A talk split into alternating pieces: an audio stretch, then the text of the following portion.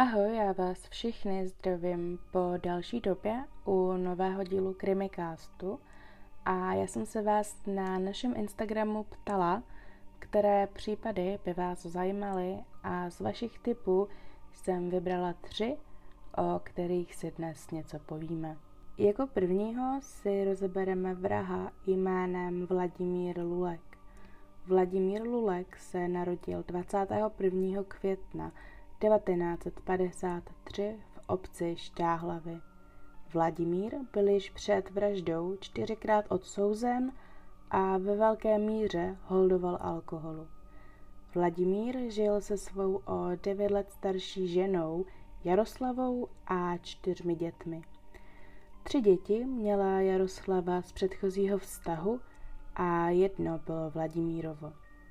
Sousedé později vypověděli, že se manželé Lulukovi hádali na denním pořádku a že se při hádkách dokonce byli pěstmi. Jak jsem již říkala, Lulek ve velké míře konzumoval alkohol a když se 22. prosince roku 1986 okolo 10.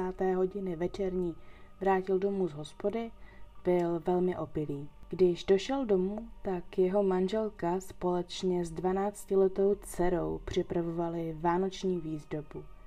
Manželka mu začala vyčítat, že pořád sedí v hospodě, o nic se nestará a že jí dává málo peněz. To Vladimíra velmi naštvalo a tak se s manželkou začal hádat. Poté vzal brousku a začal brousit nůž. Na malou chvíli se dvojce přestala hádat, jenže manželka mu zanedlouho vyčetla ještě něco a to už se Vladimír neudržel a brouskem jí praštil do obličeje. Jaroslava mu řekla, že na něj zavolá policii a na to jí Vladimír bodl dozad. Poté Jaroslava začala před svým manželem utíkat. Doběhla na chodbu kde ji však Vladimír dohonil a tam ji upodal k smrti. Po ubodání ženy se Vladimír vrátil zpět do bytu, kde zůstaly všechny děti. Když sousedé slyšeli ženský křik, vyšli na chodbu.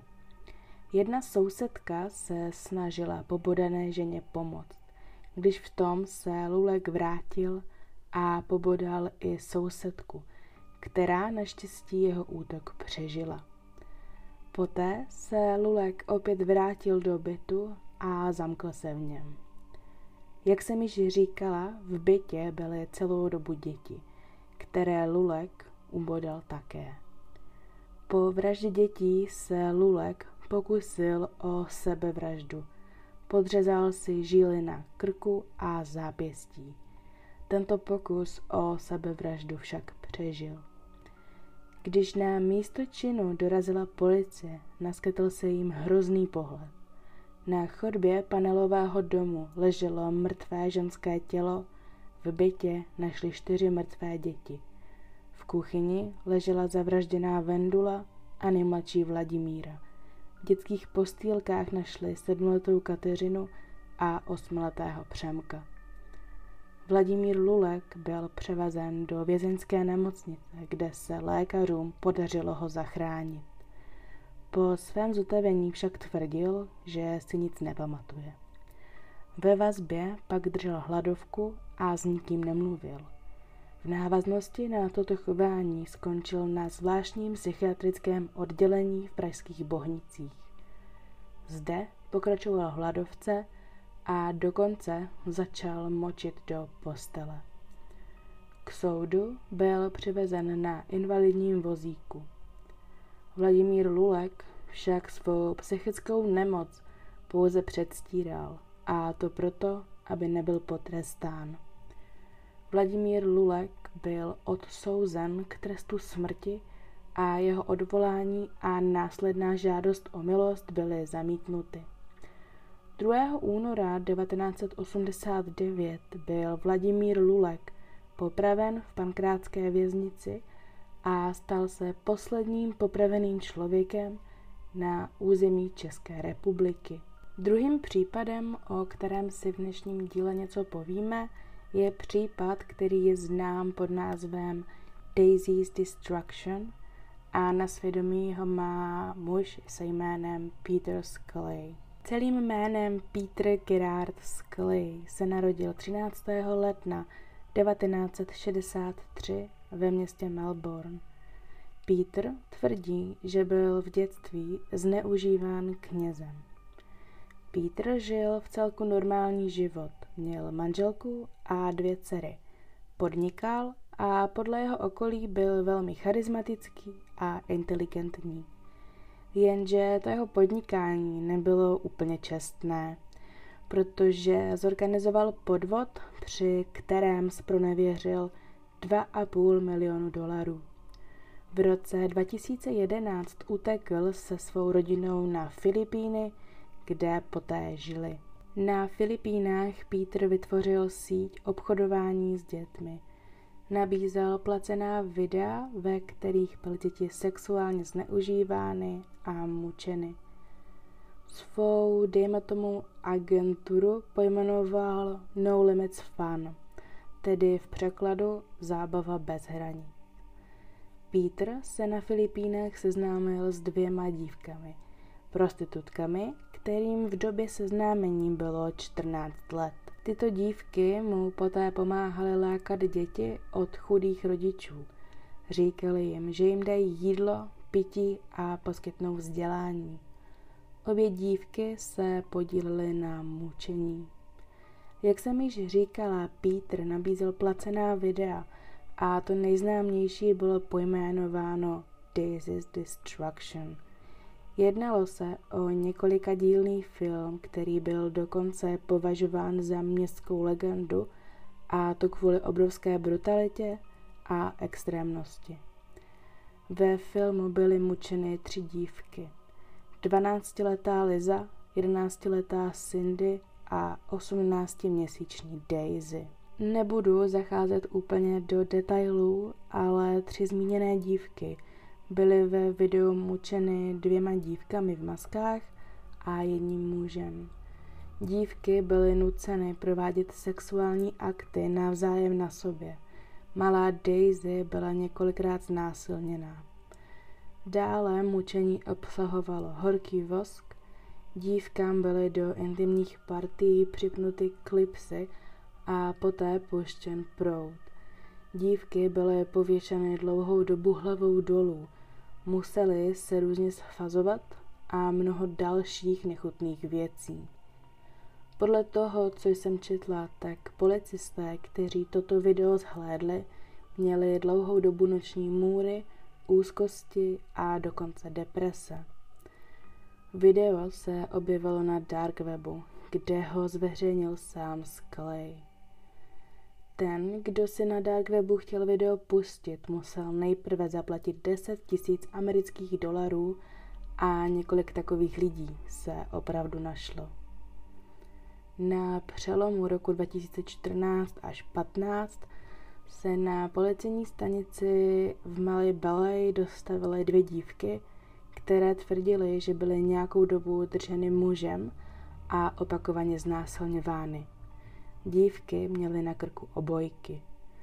Okamžitě si rozjelo pátrání a byl vydán zatykač na neznámého pachatele. Dívky zavedly policii na místo, kde byly vězněny, jenže když policie dorazila na místo, nic podezřelého nenašli. A to asi proto, že dal někdo od policie Petrovi vědět, co se chystá. Policie však pátrala dál jak se dívkám podařilo utéct? Jednoho dne Peter dívky donutil vykopat si svůj hrob a poté svým společnicím řekl, ať dívky zabíjí. Dívky toho však nebyly schopné a taky nechali utéct. Liza a Daisy přežili. Cindy se zachránit nepodařilo. Umřela ve videu, ve kterém si dívky měly kopat vlastní hrob. O případu se dozvěděla nizozemská policie, která se také podílela na vyšetřování. 20. února 2015 byl Peter Scully zadržen mezinárodní policií. Na jeho dopadení se podílela policie z několika států. Podle televizního kanálu NTV měl Peter znásilnit přes 75 dětí. V říjnu 2015, tedy pár dní před soudem, záhadně vyhořel sklad, ve kterém byly uloženy důkazní materiály proti Petrovi.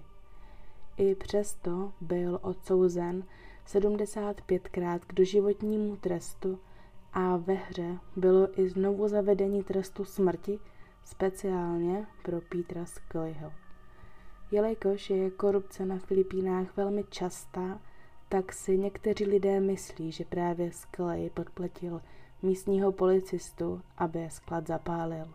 Posledním případem dnešního podcastu bude sebevražda Christine Čabak. Christine Čabak se narodila 24. srpna 1944 v Ohio. Měla dva bratry. Christine měla od svých deseti let pocit, že do společnosti moc nezapadá.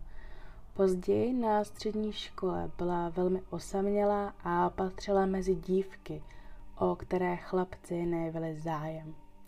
Studovala žurnalistiku na Bostonské univerzitě a po vystudování začala v roce 1966 pracovat pro televizní stanici. Čtyři roky před osudným vystoupením se Christine pokusila předávkovat léky a rok před osudným vystoupením Christine podstoupila operaci, při které jí byl odstraněn pravý vaječník takže ani tento fakt jejímu psychickému stavu nepomohl. Podle jejího bratra trpěla Christine bipolární poruchou.